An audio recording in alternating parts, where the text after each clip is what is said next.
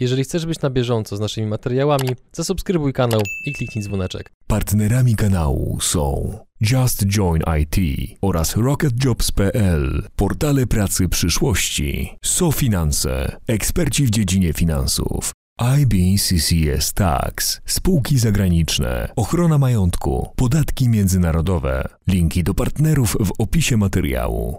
Dzień dobry drodzy widzowie, Adrian Gorzycki, Przygody Przedsiębiorców. Witamy Was w kolejnym odcinku naszego programu i nim zaczniemy i nim przedstawimy naszego gościa, to prosimy Was o listę obecności, czyli standardowo w komentarzu piszecie w jakiej branży działacie, jaką firmę reprezentujecie, bądź jeżeli nie jesteście przedsiębiorcą, dajcie chociażby znać w jakiej branży działacie lub jaką firmę chcecie założyć. Oprócz tego zróbcie fotkę, gdzie nas oglądacie w tej chwili, oznaczcie mnie, oznaczcie Przygody Przedsiębiorców.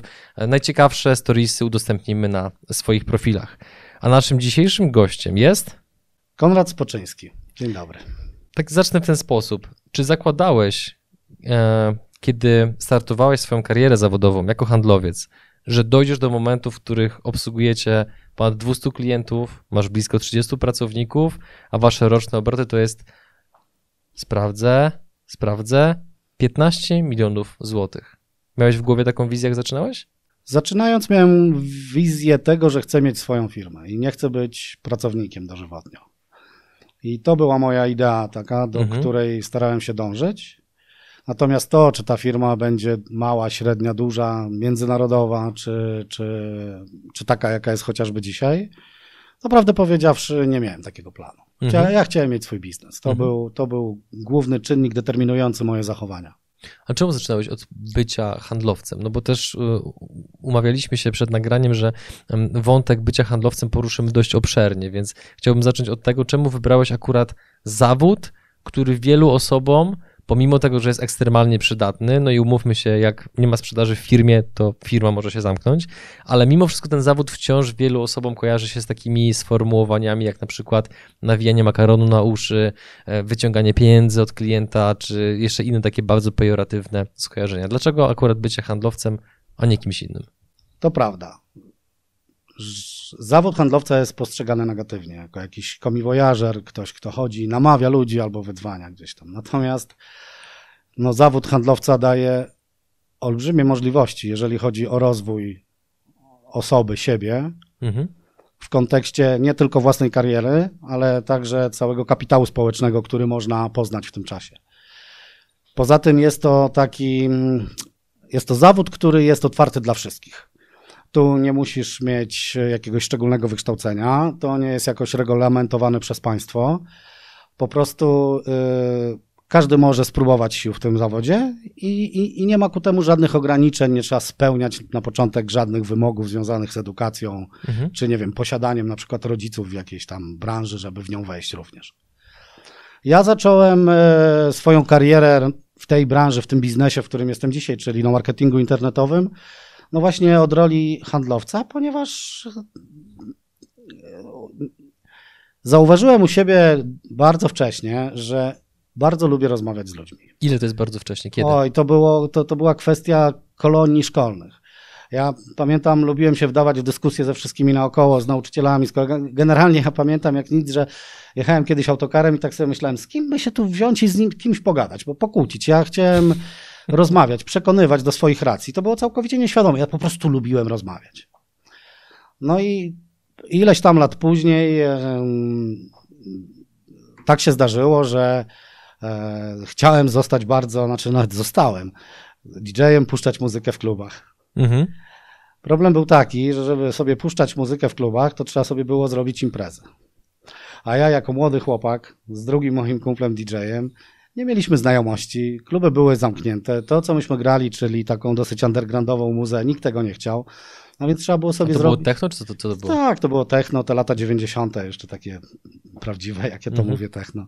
Trzeba było sobie sprokurować w ogóle te imprezy. No i, i znowu jak to zrobić? No okazało się, że najłatwiej to było pójść do jednego browaru, do jakiegoś energetyka, do jakiejś innej firmy, powiedzieć im, że słuchajcie, tak będą wyglądały ulotki, robię tutaj imprezę w fajnym miejscu, no dajcie kasę, albo dajcie produkt przynajmniej, albo dajcie cokolwiek. No i nagle okazało się, że ja się tak rozpędziłem, że przed parę lat robiliśmy po prostu te imprezy. Mniej, bardziej legalne.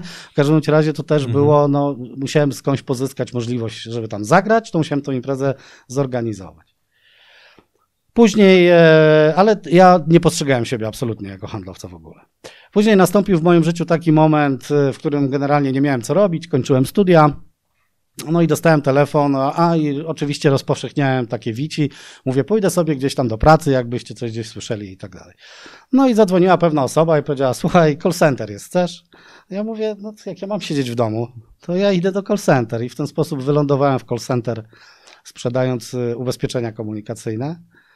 No i nagle okazało się, że dla mnie rozmowa przez telefon z tymi ludźmi, sprzedawanie im wszystkiego, co chcą i więcej nawet, no to w ogóle nie stanowi żadnego problemu. Jeszcze jak ja miałem tylko słuchawkę i nie widziałem tego człowieka, no to ja nie miałem żadnych skrupułów, że tak powiem, żadnego wstydu. Ja po prostu rozmawiałem, starałem się tak układać, zmieniać te mhm. rozmowy, żeby, żeby te efekty były jak najlepsze i zresztą szkoleniowców oni mają w tych call center doskonałych. No i tak sobie pobujałem się tam, nie wiem, chyba z rok. No a już wtedy wymarzyłem sobie, że ja może bym chciał w marketingu pracować, gdzieś w reklamie i tak dalej. Szukałem tych ogłoszeń, no i wiadomo, na handlowca tych ogłoszeń jest najwięcej. Ja Każda firma go potrzebuje. Tak, ja nie miałem żadnego doświadczenia, żeby zostać jakimś akantem, strategiem, art dyrektorem czy cokolwiek i, i, nie miałem szans. Chodziłem na takie rozmowy rekrutacyjne, no ale ja wybrałem sobie branżę, no, natomiast nie mogłem się tam dostać. Natomiast na handlowca, o proszę bardzo, wszyscy chcą. No więc y, poszedłem do takiej jednej firmy. Ciężka była ta rekrutacja, kilkuetapowa i, i w ogóle. No i nagle oni mi powiedzieli tak, słuchaj, pracuj z nami, chcemy, żebyś ty z nami pracował. Dostaniesz stanowisko młodszy handlowiec, więc dostałem stanowisko, od takiego zaczynałem, dostałem biurko, dostałem telefon, laptopa i taką wielką książkę z danymi teleadresowymi i działaj. I tak się rozpoczęła moja przygoda, która mnie zaprowadziła tu, gdzie jestem tutaj. Mhm. A powiedz, czym się kierować w, w, wyborze stanowiska pracy bądź branży, jeżeli chcemy być handlowcem? No bo sam powiedziałeś, że tych ofert jest multum, no ale kiedy ofert jest bardzo dużo, to następuje w naszej e, psychice tak zwana męka wyboru, że no jedno się świeci bardziej, drugie mniej, nie do końca wiemy, czym się kierować, więc jaką ty byś dał wskazówkę osobom, które chciałyby pójść tą drogą kariery pod kątem bycia handlowcem? Na co zwracać uwagę pod kątem wyboru branży czy firmy? Wiesz co, postaram się odpowiedzieć na to pytanie, ale zanim to zrobię, to chciałbym jednak trochę powiedzieć ci coś takiego. Mhm. W zasadzie to chyba teraz nie ma ludzi, którzy chcą być handlowcami. No, myślisz, że aż tak? Tak. Ten, ja zresztą to widzę w firmie, e, czy w innych firmach też zaprzyjaźnionych. Nie ma ludzi, którzy aplikują na stanowisko handlowca. Jest to ultra mało tego typu aplikacji. Mhm. A nawet jeżeli już są, to część to jest zupełny przypadek, kiedy ktoś po prostu wysyła te CV wszędzie, gdzie idzie, i, a potem okazuje się, że on wcale nie chciał. Mhm. Więc najpierw y, uważam, że trzeba by było odczarować poniekąd ten zawód handlowca. Mhm. E, zmienić postrzeganie jego i ta osoba, która, e, która będzie chciała faktycznie, która zobaczy, że ona ma kompetencje takie, z którymi się najczęściej człowiek rodzi, ale też je potem zdobywa, e, no to potem może sobie wybrać na przykład branżę, w której ona by chciała pracować. Aczkolwiek powiem Ci, że handlowcy na pewnym etapie, to dla nich to jest wszystko jedno, co oni będą sprzedawać. A może nie wszystko jedno, tylko będą chcieli sprzedawać coś, na czym jest największa marża.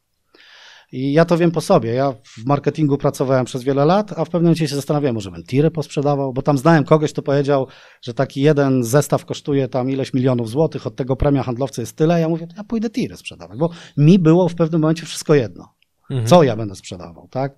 Bo jak gdyby ten produkt, on jest bardzo istotny, no natomiast na początek jest na początek jest po prostu bycie handlowcem, wykonywanie tego zawodu, podchodzenie do tego w sposób profesjonalny. I teraz, co ja bym chciał powiedzieć wszystkim ludziom, tym młodym, którzy gdzieś tam zaczynają, chcą zacząć karierę. Myślą o, nie wiem, o tym, że może swój biznes chcieliby gdzieś wystartować kiedyś. Zawód handlowca jest doskonałym zawodem, który na pewno pomoże i znacznie ułatwi założenie własnego biznesu. Na pewno. Po drugie, trzeba mieć świadomość, że ten zawód jest zawodem, który bardzo dużo wniósł w ogóle do naszego świata, do naszej kultury, do naszej cywilizacji i nie należy go postrzegać w sposób negatywny, tylko wręcz przeciwnie. Jakieś przykłady? No dobrze. Fenicjanie wynaleźli pieniądz po co? Dla kogo? Komu to było potrzebne? Pierwsze wyprawy to nie była turystyka, tylko to były wyprawy, które miały na zadanie no handel. Oczywiście są wojny, konflikty i tak dalej. No ale jeżeli mówimy, że te pierwsze szlaki, no to oni wytyczane były przez handlowców, przez sprzedawców. No wtedy Kupców. przez kupców oni wtedy tak byli nazywani. Pismo. No przecież wiadomo, ono było wykorzystywane tam do celów wierzeń religijnych, no ale kto je pierwszy jak gdyby podjął, przyjął do siebie i wykorzystywał? No zawód kupiecki, handel. No ale idźmy dalej. Mieliśmy w rozwoju no, naszej kultury, cywilizacji no, w zasadzie takie główne stany, czyli no, byli ci władcy, jakaś tam szlachta, był stan kapłański, ale cała reszta no, to byli poddani chłopi. Skąd my się wzięliśmy tutaj tacy, jacy jesteśmy teraz? No to bogaci kupcy, czyli znowu handlowcy. Oni zmienili ten nasz świat, w którym my jesteśmy. To dzięki ich działaniom została stworzona, no według mnie przynajmniej, nowa klasa ludzi, która mogła się uniezależnić, ponieważ było ich na to stać. Co to wszystko znaczy? No za tym, to znaczy to, znaczy to także to, że za tymi handlowcami, za tą pracą, za tym zawodem, no idą pieniądze, bo to pieniądze pomogły wyodrębnić się kolejnej klasie, no tak zwanej klasie, która się potem zamieniła w bogatych mieszczań, no, gdzie tam potomkami nimi jesteśmy dzisiaj teraz my. To wracając do mojego pytania. W takim razie, czym młoda osoba, aczkolwiek zakładam też, że no nie, nie, nie do końca młoda, no bo nawet jeżeli ktoś ma trochę więcej lat, a chciałby zmienić kierunek kariery, no to biorąc pod uwagę to, co powiedziałeś, a co zresztą też jakby jest prawdą, no bo my mm, od czasu do czasu rekrutujemy nowe osoby i widzimy, jaka jest ilość ogłoszeń od firm, które poszukują handlowców. No po prostu y, ogrom. Dlatego ja też jakoś szczególnie nie martwię o swoją przyszłość zawodową, bo gdyby nawet to, co robimy, nam nie wyszło, to ja byłbym handlowcem z wielką przyjemnością, bo po prostu e, również podobnie jak ty to lubię. Ale czym osoba chcąca e, właśnie pójść w kierunku handlowca powinna, na, na co powinna zwracać uwagę? No bo marża to jest na pewno istotny element, no ale zakładam, że nie jedyny. No na pewno fajnie by było sprzedawać coś, co lubimy. Tak, jeżeli ktoś Mhm. interesuje się, ja to mogę podać na swoim przykładzie. Mnie interesowała bardzo mocno branża mediowa, reklama.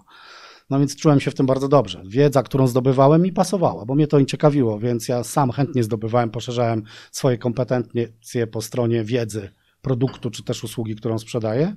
No więc tutaj na podstawie swojego doświadczenia też bym to proponował innym, innym osobom. Jeżeli kogoś kręcą samochody, no to, to może niech zostanie sprzedawcą samochodów, tylko no, na przykład z tej bardzo wysokiej półki, gdzie tam pewnie marże też są znacznie wyższe i wynagrodzenia tego handlowca Mhm. też jest adekwatne w stosunku do produktu, który sprzedaje. No więc możemy, jeżeli interesujemy się motoryzacją, możemy sobie wybrać, że będziemy chcieli zostać sprzedawcą, handlowcą w salonie samochodowym, no ale takim celem, który będzie naszym celem, takim driverem do przodu, to będzie to, że no, my będziemy chcieli sprzedawać, nie wiem, Bentleya albo Rolls-Royce'a, koniec, kropka, albo przynajmniej BMW 7 lub S-klasę, nie? Tu Mhm. chcę dojść, tak? Bo tam są największe pieniądze, tam są najlepsi klienci, tam są ciekawi ludzi, których chcę poznać. No i analogicznie, to, kto, co kogo interesuje, to ułatwia, no bo w momencie, kiedy musisz się nauczyć jakiegoś produktu czy usługi, a interesuje, żywo cię on interesuje, no to będzie ci to łatwiej zrobić, tak? I, i również łatwiej będzie ci go później sprzedać. Jakie z perspektywy czasu e, dostrzegasz korzyści, które zyskuje osoba, która jest e, handlowcem, która idzie w tym kierunku? Tych korzyści jest bardzo dużo. Rozpoczynając od oczywistych, o ile ktoś jest dobrym handlowcem materialnych, a materialnych, no to dobry handlowiec potrafi zarabiać najwięcej w organizacji. Mhm. I, I w momencie, kiedy normal, organizacja i szefowie jej są normalni, to oni nie mają z tym problemu, że handlowiec zarabia więcej od. Słyszałem o tym wielokrotnie. Nie ma problemu. Taki handlowiec, on to będzie zwolniona osoba na samym końcu, to trzeba o tym pamiętać także. To jest Mhm. kluczowa osoba i ta osoba będzie naprawdę pilnowana i, i będzie bardzo ważną osobą. Bardzo często handlowcy. Czyli taka stabilność zatrudnienia trochę. Tak. Bardzo często handlowcy wpuszczani są w ogóle do spółek jako udziałowcy, tak, żeby ich przytrzymać. No to czym można poza pieniędzmi? No można dać udziały. Obejmują coraz wyższe stanowiska i e, mogą wejść w ogóle do rad nadzorczych. To jest, e, no to jest jedna ta przestrzeń związana z, z samą pracą. Ale druga przestrzeń, która jest równie istotna, to jest to, kogo my poznajemy. Praca handlowca charakteryzuje się tym, że raz rozmawiasz z jedną osobą, raz z drugą, raz z trzecią, raz z czwartą. Wśród tych ludzi to są różni ludzie. A więc spotykasz Zależy oczywiście w jakiej branży, tak? No ale jeżeli jesteś handlowcem business to business, no to spotykasz jakichś dyrektorów, jakichś właścicieli firm, jakichś menadżerów odpowiedzialnych za coś, innych przedsiębiorców. No więc zaczynasz siłą rzeczy obracać się w towarzystwie biznesowym. Co to oznacza po roku, dwóch lat, trzech, pięciu? No, to łatwo sobie wyobrazić. Zaczynasz rozumieć, załóżmy, jakąś branżę, charakterystykę pracy tej branży, język, którym oni się poruszają, jakieś kwestie, które są związane z prowadzeniem tego biznesu. No ale także możesz spotkać osoby, które będą chciały z tobą wejść w ten biznes, jeżeli uznają, że jesteś osobą kompetentną, która potrafi robić to, co robi i robi to dobrze, tak? Mhm. Tutaj też ja mogę być przykładem, gdzie udało mi się rozwinąć biznes właśnie dzięki temu, że ja po prostu poznawałem różnych ludzi i w ten sposób jeden z takich, e, jeden, jeden taki człowiek został moim wspólnikiem. Ja bym go przecież nie poznał, nie spotkał nigdzie indziej, gdyby nie ta praca, którą wykonywałem, gdyby nie to, że ja widziałem, co on robi i że robi to bardzo dobrze. A on z drugiej strony pewnie nie zdecydowałby się na wejście w biznes z kimś, kogo by nie znał, czyli by nie widział mnie, nie widział, jakie ja mam efekty, jaki ja biznes przynoszę i, mhm. i to tyle. Druga z takich osób zainwestowała w moją firmę, tak? czyli dała mi pieniądze na cashflow, powiedziała, ja cię znam, ja cię mam, choć masz kasę, już czas na własny biznes, zrób to. No więc to jest ta przestrzeń, która jest bardzo istotna, czyli poszerzanie tego swojego kapitału społecznego, poznawanie różnych ludzi, gdzie my mamy możliwość wyboru, z kim ja tak naprawdę chcę się dalej zadawać, z kim przejść na bliższe relacje, z kim pozostać w relacjach stricte biznesowych i tak dalej. Więc to środowisko, w którym się poruszamy, ono się zwiększa, ono jest gigantyczne. To w zasadzie ciężko powiedzieć, jaka inna grupa zawodowa ma możliwość poznawania co coraz to nowych ludzi, w, w, każdym mhm. okresie swojego życia, bo wiadomo, jak jesteśmy młodzi, no, tych znajomych mamy więcej, potem pójdziemy na studia, jest ich więcej, jeszcze więcej, ale potem zaczynamy pracę i nagle ten krąg naszych znajomych on nie poszerza, tylko on się zaczyna zawężać. A tu jest odwrotnie.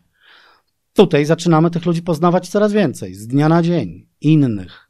I tak jak mówię, w zależności od tego, w jakiej branży jesteśmy, w jakim biznesie, no to takich ludzi będziemy poznawać. Jeżeli mhm. pracujemy B2B, no to będziemy poznawać określonych ludzi. Jeżeli pracujemy, sprzedajemy produkty do klienta końcowego, no to też, jeżeli są to produkty, tak jak już byliśmy przy tych samochodach, to zostańmy.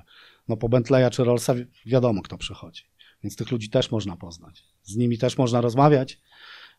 No, a z doświadczenia wiem, że, że bardzo często szuka się pracowników potencjalnych, nie tylko poprzez ogłoszenia o pracę, tylko poprzez no, patrzenie, kto co, jak mi sprzedaje, jak się zachowuje. Mhm. Więc to jest jak gdyby druga, e, druga przestrzeń. Ale jest też przestrzeń trzecia, o której chciałbym Ci powiedzieć. Proszę. Ja ją nazywam tak zwaną przestrzenią życiową. Handlowiec to nie jest sprzedawca, który wyjmuje, zdejmuje towar z półki, kładzie na ladę, wbija na kasę i do widzenia. Handlowiec to jest osoba, która wchodzi w interakcję z drugą.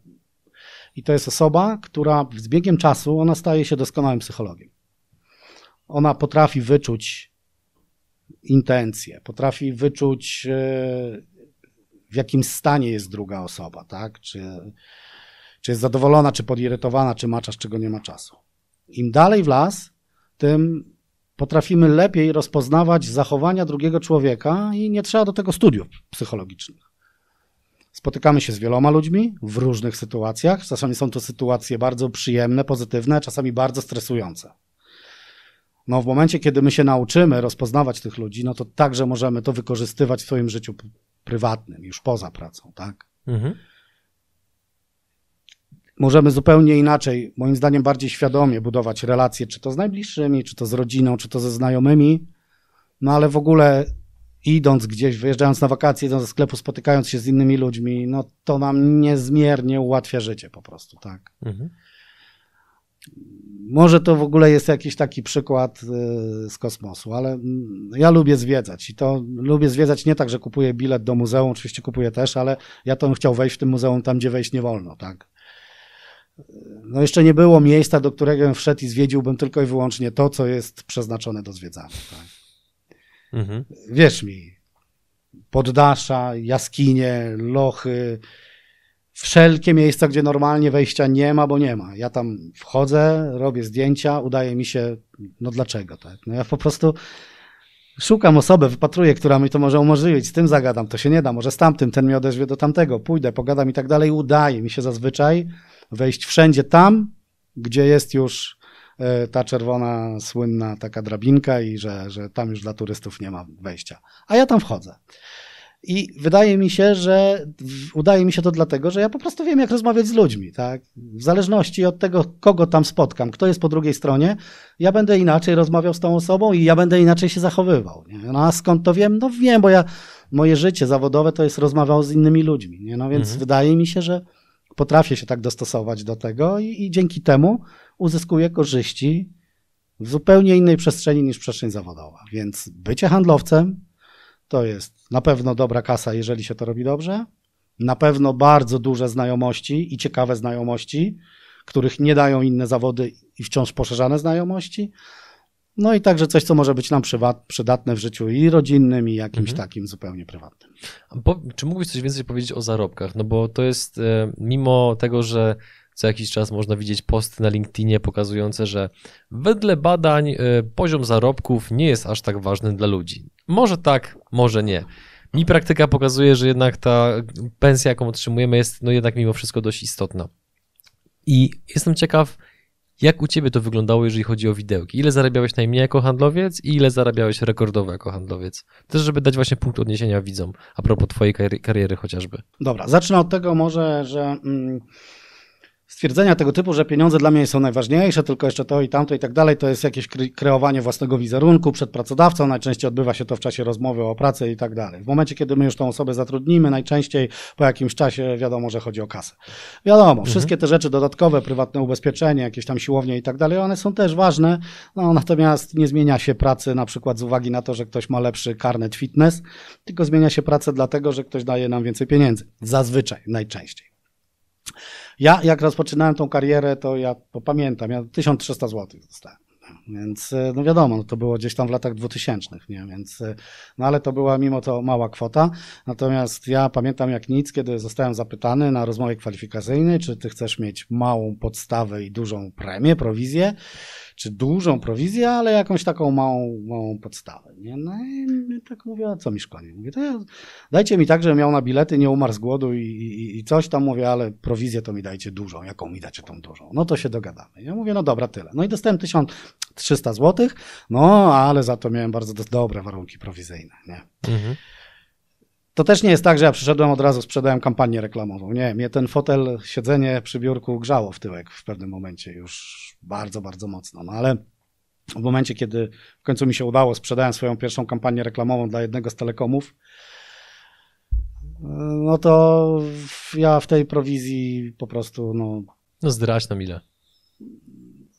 Jeżeli możesz oczywiście.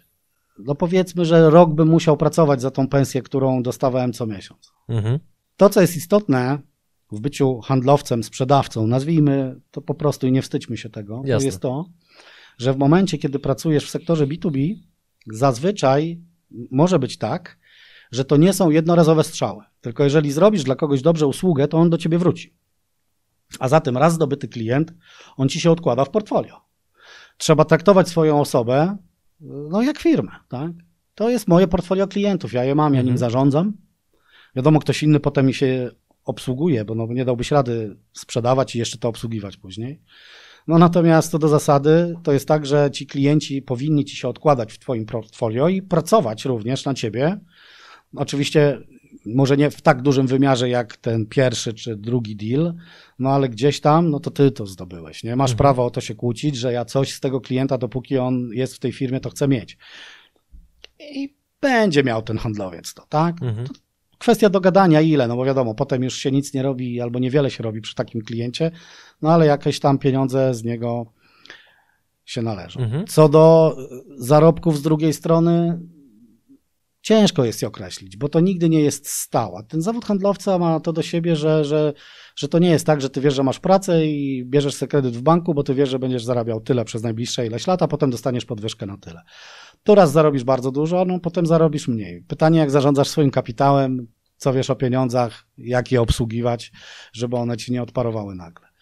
Natomiast w pewnym momencie ja sprzedawałem kampanię na przykład dla banków i wykonywała, egzekucja była w Londynie na przykład. I ja tam sobie jechałem tydzień czasu i nadzorowałem, nie? Mhm.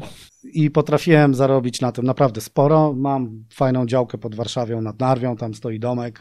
To jest stricte prowizja, której udało mi się nie wydać na... To taki piękny symbol chyba wręcz tw- twojej, twojej kariery zawodowej, nie? że jakby ten, ta nieruchomość to jest właśnie efekt tego, że no byłeś po prostu handlowcem. Tak, byłem handlowcem i mogłem sobie na to pozwolić. To jest kawałek lasu, tu taki domek. Mhm. Jak będziesz kiedyś tam robił imprezę dla naszych widzów, daj znać, nagłośnimy, przyjedzie 100-200 osób. Będzie No, fajnie. myślę, że to jest w lesie, więc to większego problemu nie było. Mam kilku sąsiadów, ale oni mnie lubią. To ich też zaprosimy. Oni mnie lubią, nie? Jakimś dziwnym zbiegiem okoliczności, więc Aha. damy radę. Tak. A powiedz proszę, co z twojej perspektywy, no bo e, korzyści, które wynikają z bycia handlowcem, no to wydaje mi się, że wytłumaczyliśmy dość jasno. Genezę tego zawodu również, ale mm, co jest ważne e, z twojej perspektywy w byciu dobrym handlowcem? Taka osoba, która tym handlowcem chciałaby być, no to właśnie przez te pejoratywne skojarzenia być może ma takie wyobrażenie, że albo musi się urodzić ekstrawertykiem, albo musi być po prostu wygadana z natury, e, albo nie, nie powinna mieć żadnych tam tutaj skrupułów, żeby komuś coś tam e, oferować. No ale o, i ty i ja wiemy, że to jest absolutnie nieprawda. Takie postrzeganie to jest no absolutnie niesłuszne, więc na bazie twoich doświadczeń, co jest ważne w byciu dobrym handlowcem? Jakie kompetencje, jakie umiejętności, jaka wiedza? To nie jest tak, że handlowcem może zostać absolutnie każdy. No bo są takie typy osobowości, no, które nie pozwolą ci być Mhm. na tyle otwartym, żeby nawiązywać efektywną komunikację z innymi ludźmi. Ale wszystkim Wam chcę zwrócić na jedną rzecz uwagę. Jeżeli Wy się czujecie dobrze w towarzystwie wśród ludzi, jeżeli Wam się fajnie gada, jeżeli wyjdziecie na imieniny, na urodziny do klubu gdzieś tam i nie macie problemu, żeby z kimś pogadać sobie i tak dalej, fajnie się Wam gada, z jakimiś ludźmi obcymi, gdzieś się przysiądziecie i tak dalej, wyjeżdżacie gdzieś i, i, i nie macie tego problemu, żeby rozmawiać z tymi ludźmi na, na różne tematy ta rozmowa płynie, no to w mojej ocenie to już jest pierwszy Sygnał. sygnał, że to jest kompetencja, której nie mają wszyscy. No i od tego bym zaczął, tak? Więc jeżeli ktoś czuje, że jemu rozmowa, przebywanie wśród innych ludzi nie stwarza problemów, on nie czuje wstydu, zażenowania czy coś tam, tylko wręcz przeciwnie, czuje się w tym jak ryba w wodzie, to go jeszcze nakręca bardziej, tak? No to już bym się zastanowił, czy czasem tego nie monetyzować w jakiś sposób. Potem jednak dochodzi coś, co jest, myślę, elementem stałym dla wszystkich profesji. Trzeba być w tym tak dobry, jak to możliwe, być po prostu profesjonalistą, czyli w przypadku handlowca znać produkt, który się sprzedaje, jego charakterystykę, wiedzieć o nim tak dużo, jak jest to, jak jest się w stanie zdobyć tą wiedzę, rozwijać te kompetencje, czyli z drugiej strony, żeby ta osoba, nasz partner biznesowy, nie widziała nas znowu tego sprzedawcy, który bierze spółki, stawia na kasę, nabija, tylko widziała w nas właśnie partnera biznesowego, kogoś, doradcę. doradcę, tak? Tylko takiego prawdziwego doradcę, który w ogóle ma olbrzymią wiedzę na temat produktu bądź usługi, którą oferuje. On wie, dlaczego oferuje. Idziemy dalej. Zdoby- zrozumienie biznesu drugiej osoby, drugiej strony. Wiesz, jak ja nie będę znał Twojego biznesu, nie będę go rozumiał w ogóle, czym jest biznes, jak się go robi, jakie są tam bolączki, problemy, wyzwania, no to jak ja mogę Ci zaordynować w cudzysłowie lekarstwo albo jakiś produkt, czy usługę, czy kampanię reklamową, skoro no ja nie, nie rozumiem Twojego biznesu. No więc znowuż ten handlowiec, on musi się z biegiem czasu przeistaczać w człowieka, który rozumie biznes, któremu nie obce są pojęcia biznesowe, choć no dzień dobry takie jak ROI, tak? On musi wiedzieć, z jakimi bolączkami się inni przedsiębiorcy borykają. On musi wiedzieć, jakie produkty, jak one fluktuuje ich sprzedaż na przykład yy, w- na osi czasu w roku Mhm. jakie są trendy. On musi znać konkurencję y, w danej branży. No więc znowu wychodzimy z tego postrzegania płaskiego sprzedawcy na osobę, która musi rozumieć przede wszystkim no, swój biznes i usługę, którą ona sprzedaje, ale żeby robić to efektywnie, to musi poznać ten drugi biznes doskonale, tak? No aż do tego, że trzeba wiedzieć, na czym ten nasz klient najlepiej zarabia, nie? no bo to, to są istotne rzeczy, tak, żeby, żeby, no nie wiem, w moim przypadku promować mu te produkty, na których on ma największą marżę, albo największy, najszybszy obrót, ten pieniądz najszybciej rotuje, tak? No bo jak on zarobi, to u ciebie zamówi więcej i wszyscy wygrywają. I wróci. I wróci. I to mhm. jest to, co jest kluczowe w tym wszystkim, tak, żeby nawiązywać relacje biznesowe, czyli znowu nie sprzedałem ci coś i do widzenia, tylko nawiązuję, ja nie idę sprzedać, ja idę nawiązać relację biznesową. Moim celem jest to, żebyśmy my się znali przez najbliższe parę lat i współpracowali razem. Mhm. No i, i, i, to jest bardzo istotna kwestia, która ona będzie się bardzo fajnie od, odkładać potem w naszej kieszeni. Dzięki, że jesteś z nami i oglądasz nasze filmy. Chcielibyśmy przekazać Ci krótką informację. Przygody przedsiębiorców to nie tylko wywiady.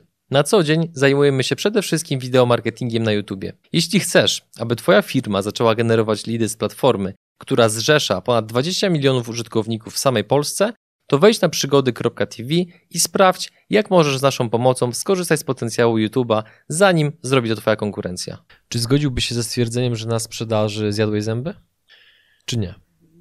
Ja potrzebuję odpowiedzieć tak, nie, bo to jest, to jest wstęp do kolejnego nie. pytania. Nie. Okej, okay, ale czujesz się w sprzedaży mocny? Tak. Dobra.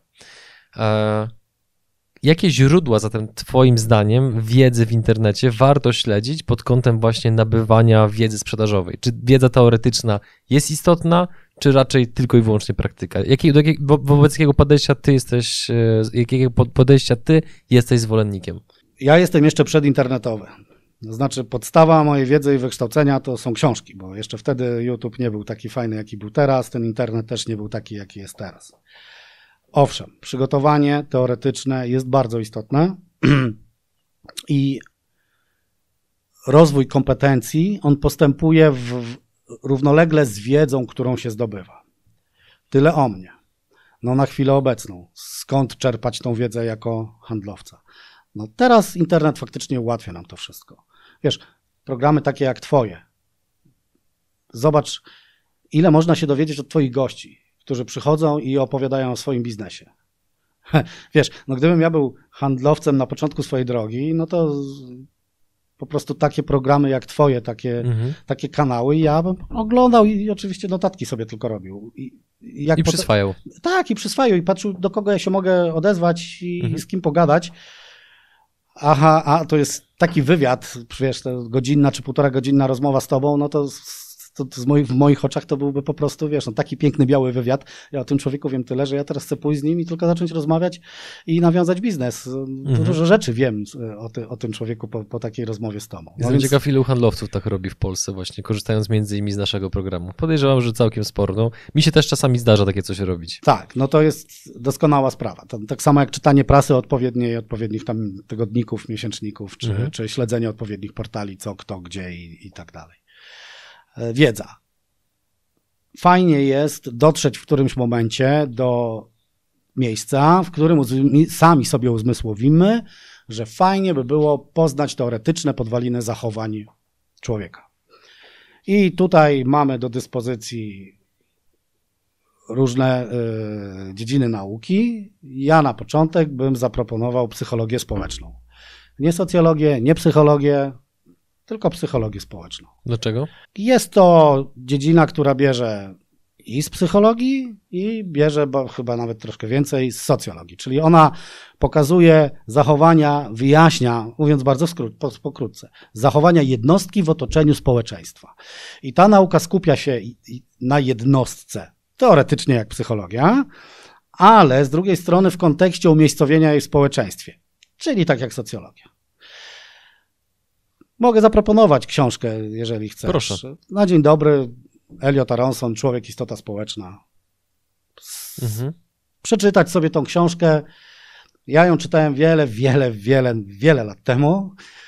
I to, co było dla mnie ciekawe, no to okazywało się bardzo często tak, że o, ja nie wiedziałem, że to jest teoria naukowa i że to się tak mądrze fachowo nazywa. Czyli znałem, czułem jakieś zachowanie, które potem się nagle okazało, że ono jest opisane, ma swoją nazwę, no, na przykład tam dysonans poznawczy, dysonans pozakupowy i tak dalej. Nie? No to każdy, każdy z Was czuł dysonans pozakupowy kiedyś.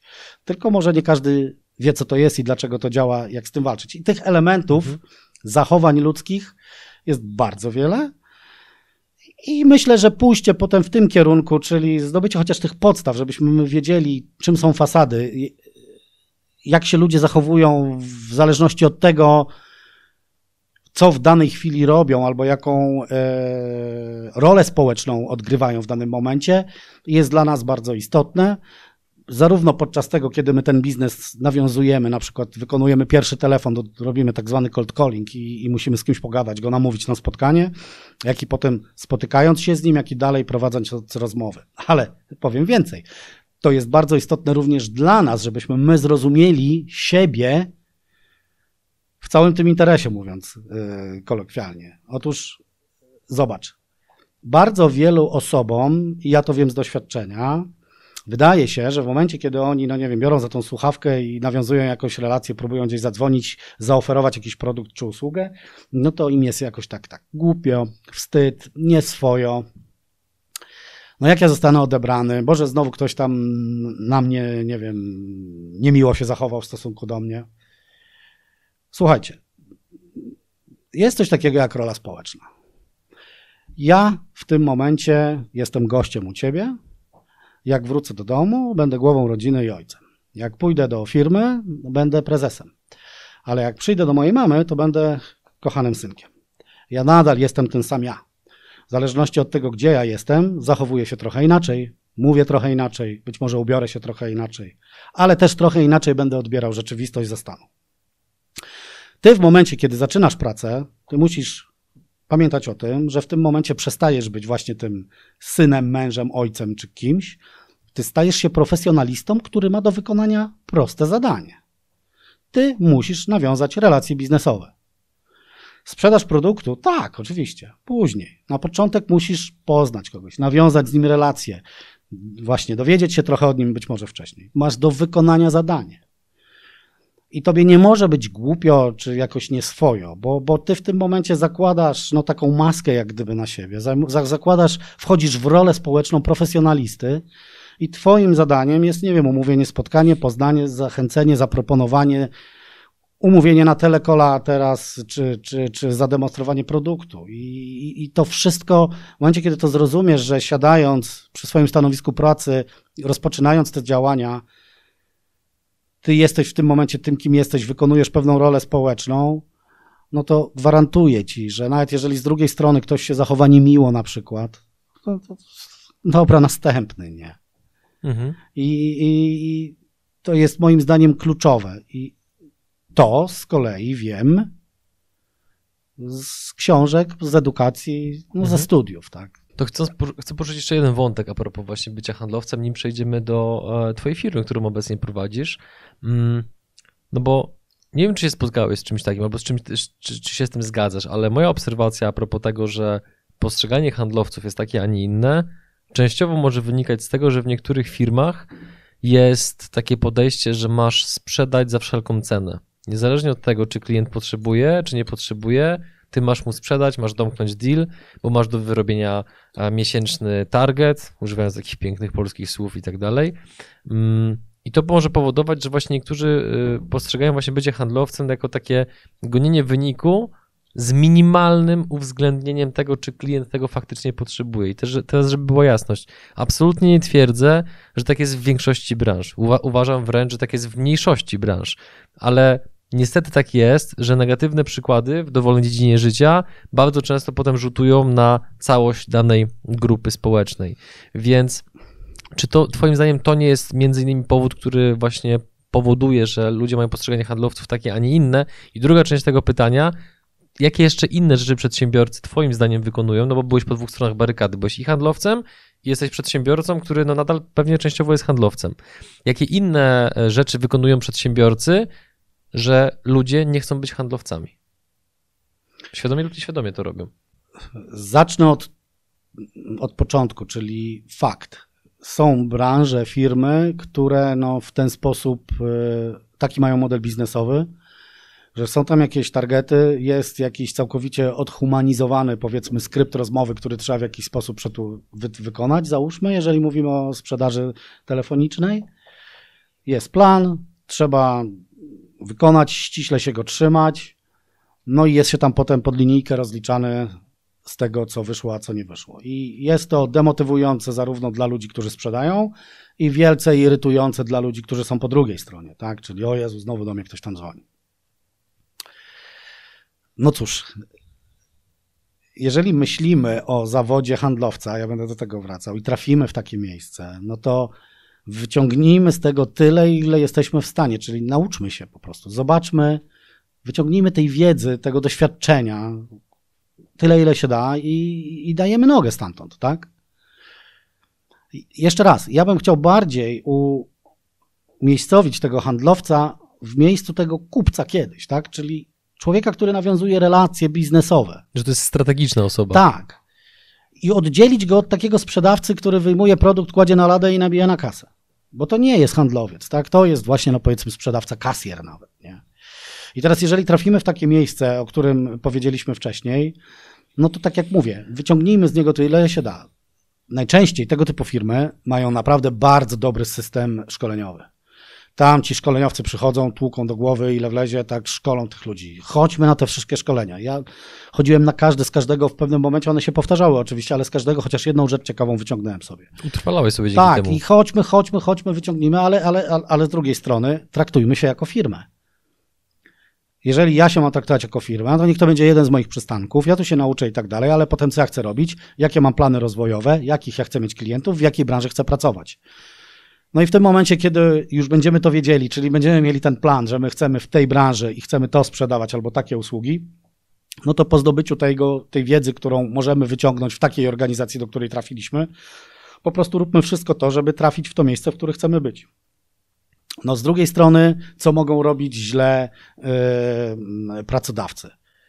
Myślę, że jeżeli pracodawca ma za sobą yy, taką drogę kariery jak ja, czyli zaczynał jako młodszy handlowiec, no to on będzie inaczej traktował ludzi na tym stanowisku od osoby, która nie zaczynała jako młody handlowiec, tylko jest, no nie wiem, jakimś yy, yy, osobą, która no, ma ten biznes, go prowadzi, no a po prostu nie była wcześniej, nie musiała sprzedawać. Faktycznie może to być trudne. E, faktycznie może być na początku dużo niezrozumienia. E, I faktycznie mogą być jakieś oczekiwania, no na zasadzie jesteś tym dobry, no to przyjdź, a jutro czemu nie sprzedałeś, nie? No więc tutaj też. Znowu, jeżeli my mamy świadomość własnej osoby, wiemy kim jesteśmy, wiemy jaki zawód reprezentujemy, no to w tych negocjacjach na dzień dobry, kiedy przychodzimy do tej pracy, musimy sobie ustalić pewne reguły, czyli ile czasu ja mam na naukę Twojego produktu, czy też Twojej usługi, ile czasu ja mam na naukę specyfiki Twojej pracy, Twojej firmy, no i ile ja mam czasu na to, żeby wejść w ten rynek, skomunikować się z nim w tej branży, no i gdzie, kiedy ja faktycznie zacznę być być może efektywny. Nie? No i w momencie myślę, że kiedy tego typu rozmowę odbędziemy na początku i jasno postawimy to drugiej stronie, że no to nie mhm. będzie tak, że ja wchodzę i wiesz, różdżką macham i nagle masz tysiąc klientów, no to to nam może ułatwić ten start, dać ten czas, no a potem, kiedy już udowodnimy własną wartość, te problemy moim zdaniem łatwiej będzie gdzieś tam wyrugować i, i, i zmienić ten sposób y, patrzenia na, na siebie mhm. poprzez inne osoby, które nadzorują naszą pracę. Nim przejdziemy do dalszej części wywiadu, to czy jest jeszcze jakiś element, jakaś historia, cokolwiek, co chciałbyś jeszcze powiedzieć w kontekście bycia handlowcem, bo tak wiem i z naszej rozmowy wcześniej, też podczas wywiadu to bardzo mocno wybrzmiało, że kwestia tego, jak ten zawód jest postrzegany, jest dla ciebie dość istotna. Chciałbym jeszcze powiedzieć o jednej takiej sytuacji, która mnie e, w życiu dotknęła.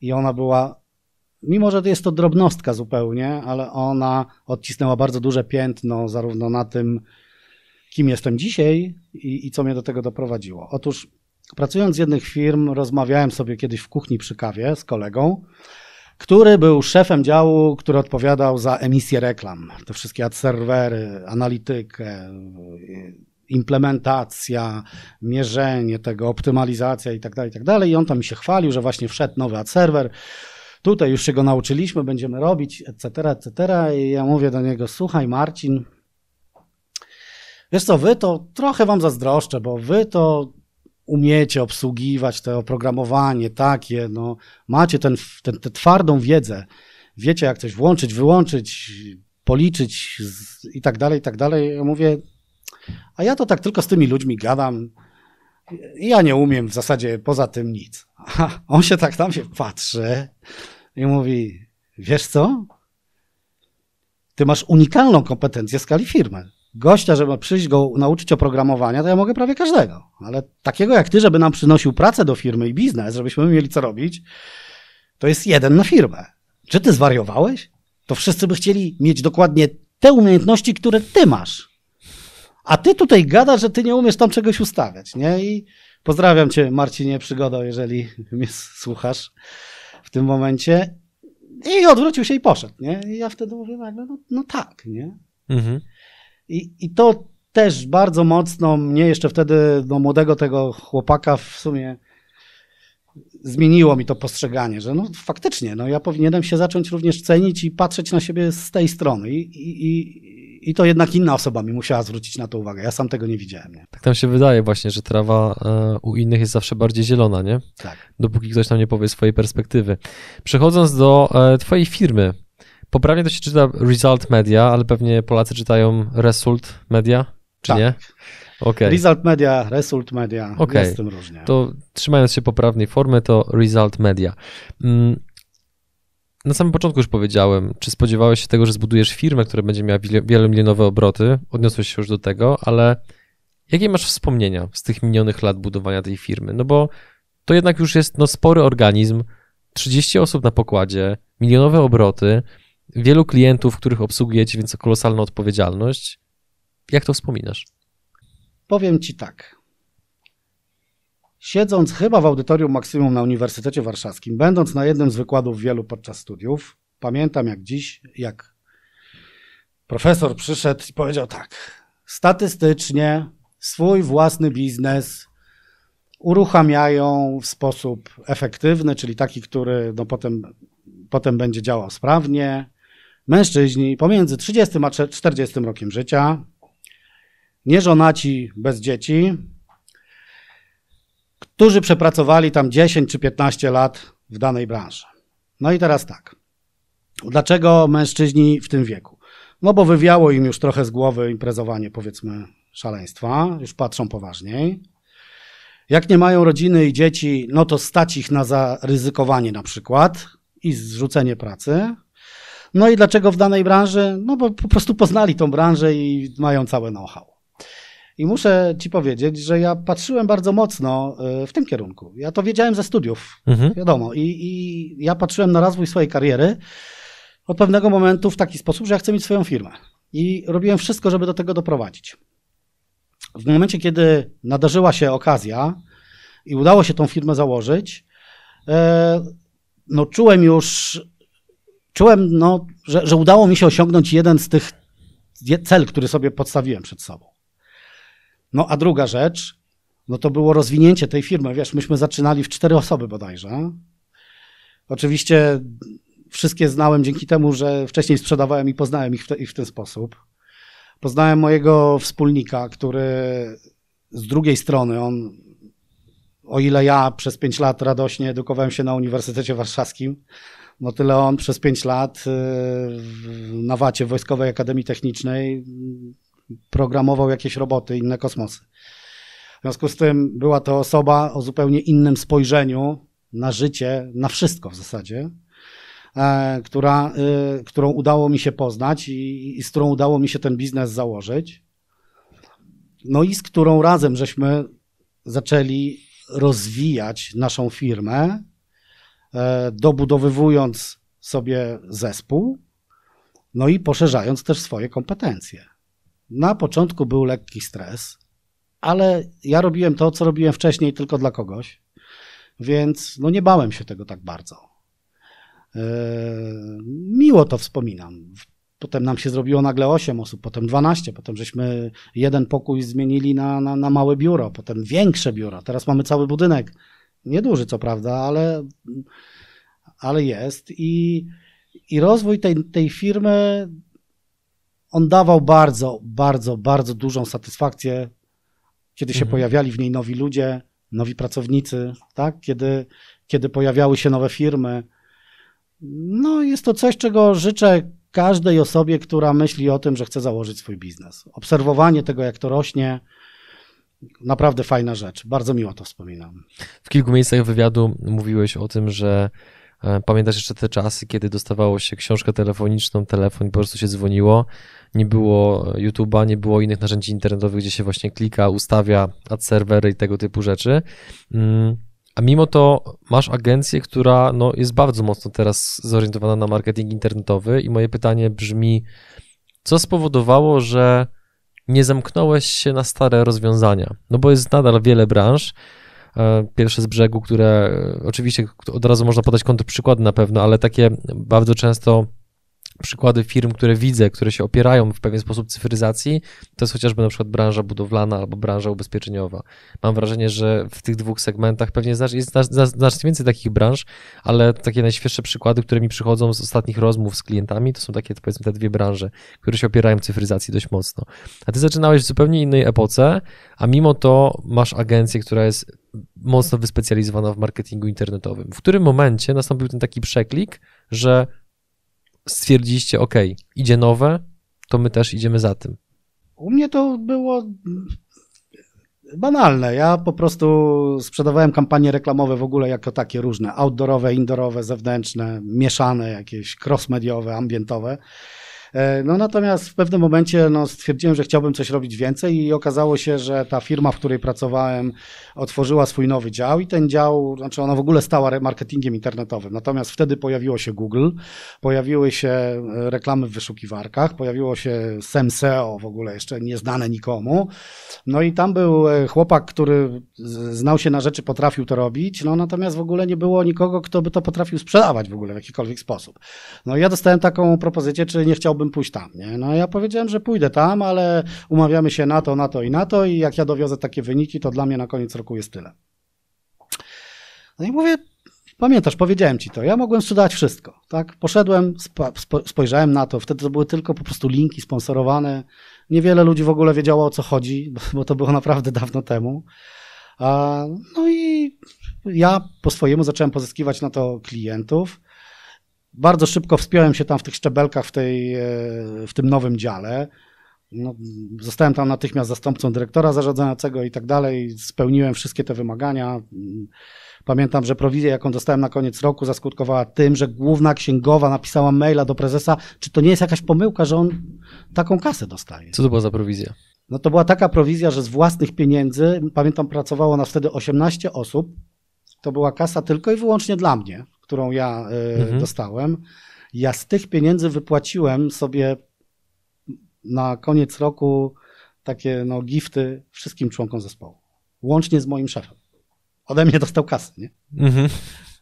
Okej. Okay. To była taka kasa. Mhm. Więc y, udało mi się dowieść, a ja naprawdę zażądałem, znaczy zażądałem. Powiedziałem, że dowiozę taki wynik, ale ja chcę od niego tyle na czysto. Nie? No i, mhm. I ja to dowiozłem i, i, i tą kasę dostałem. I cóż, no i ja zostałem w tym marketingu internetowym. Natomiast on zaczął ewoluować. Zaczął się być coraz bardziej efektywny. No i teraz tak, ja sprzedawałem do innych ludzi i jeszcze miałem produkt, który dobrze wykorzystywany również sprzedaje bardzo dobrze. Dalej, ja byłem z tym produktem od samego początku. Znaczy, zajmowałem się już reklamą internetową w momencie, kiedy to były tak zwane CPM, już nie będę w to wchodził i reklamy na Onecie. Kiedy nie było jeszcze Google ani Facebooka. Firma, w której pracowałem wcześniej, wprowadzała w ogóle Facebooka, system reklamowy Facebooka na rynek polski, to żeby było śmieszniej. Więc dla mnie ewolucja marketingu internetowego, ona była y, bardzo wygodna, bo, bo ja byłem już w tym biznesie i w zasadzie miałem do czynienia, wszystko co wchodziło nowe, to ja wiedziałem. Co więcej, pracowałem w firmie, która, no tak jak powiedziałem, była dominującym graczem na rynku marketingu internetowego w owym czasie.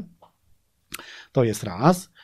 E, była taka konferencja Facebook Now, którą ta firma organizowała i to było wejście Facebooka na rynek polski e, z systemem reklamowym. Więc ja byłem cały czas obok tego. I ja widziałem, jak te narzędzia ewoluują, jak one się no z jednej strony komplikują, ale stają się coraz bardziej efektywne. No i ja wiedziałem, kto dobrze potrafi je wykorzystywać. I w ten sposób mój dzisiejszy wspólnik, Adrian Radomski, on był również pracował w tej samej firmie. On był tak zwanym trafikiem, czyli on pracował na tych systemach. Czyli tak, ja sprzedawałem, przynosiłem klienta, a on to potem faktycznie zamieniał, ustawiał te kampanie. No i nagle ja patrzę, a po drugiej stronie jest gościu, który co chwilę mówi, ale wymyśliłem fajny sposób, to sobie zrobię to, to zoptymalizuję tak. Zresztą tego nie ma w specyfikacji, niby tak nie można zrobić, ale ja zrobiłem to, to i to i patrz, jakie mam fajne wyniki. Słuchaj, porobiłem coś innego, zmiany, poszatkowałem grupy do, docelowe, pozmieniałem e, formy tam emisji, jakieś inne współczynniki, patrz jaki mam fajny efekt. No i nagle zobaczyłem gościa, który przyszedł, on w ogóle na staż przyszedł do tej firmy, był stażystą, właśnie po wacie, świeżo co. No i nagle poznałem gościa, który był, no jak to się mówi, zajarany tym, co robi. Nie? I jak ja zobaczyłem, że tam jest taki człowiek, to jak ja zdobywałem klienta, na przykład udało mi się zdobyć klienta Warte, to jest olbrzymi klient, y, ubezpieczyciel, tak? Mhm.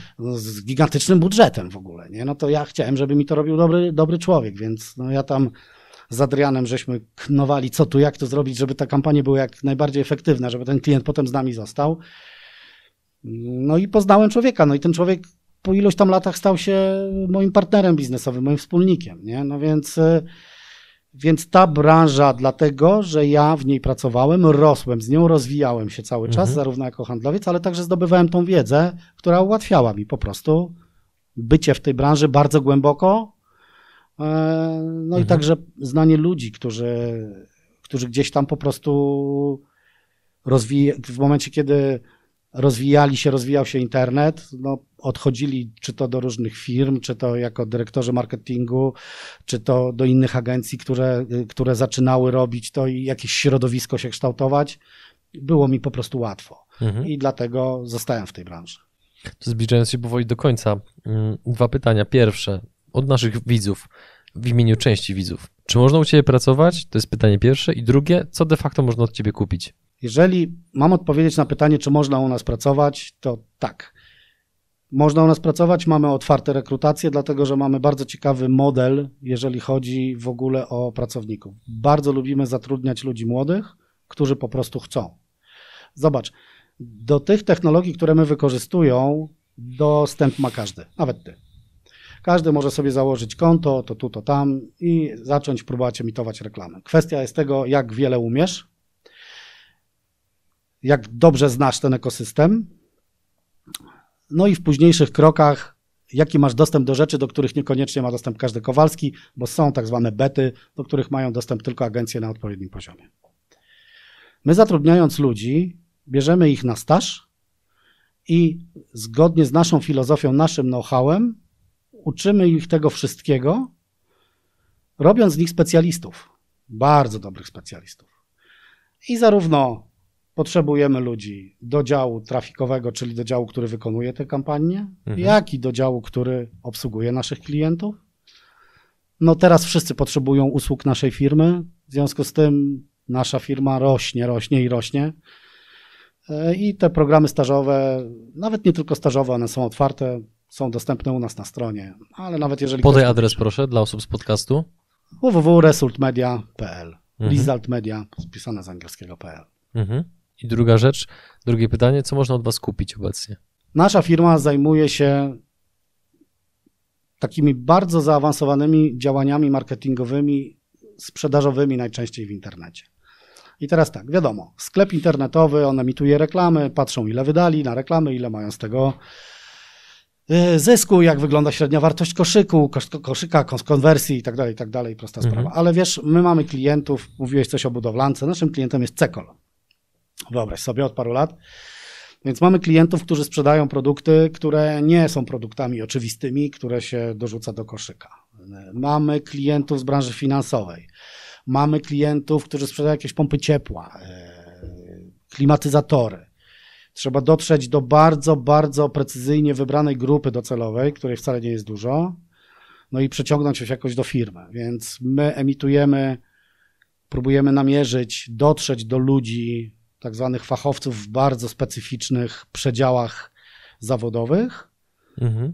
No i pozyskać ich dane do tego, żeby dalej się można było z nimi kontaktować i żeby sprzedawać im te produkty no, zaawansowane, których się po prostu nie da dorzucić do koszyka, no bo nie dorzucisz do koszyka wywrotki gładzi szpachlowej cekola, wiesz o co chodzi, tak? Mhm.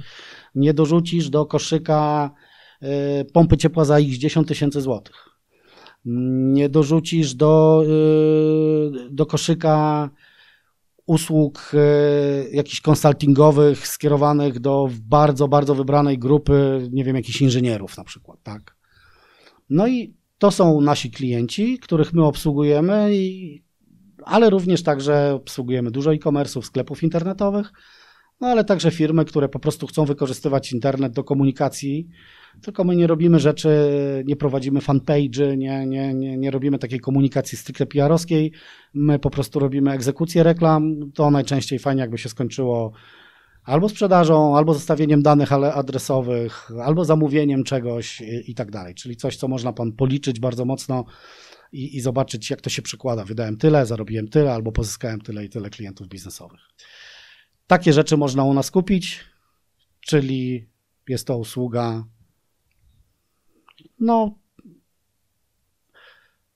wbrew pozorom taka, którą nie można od tak znaleźć na rynku. Tak. Wykorzystujemy wszystkie dostępne narzędzia marketingu internetowego, ale specjalizujemy się w takich ciężkich grupach docelowych.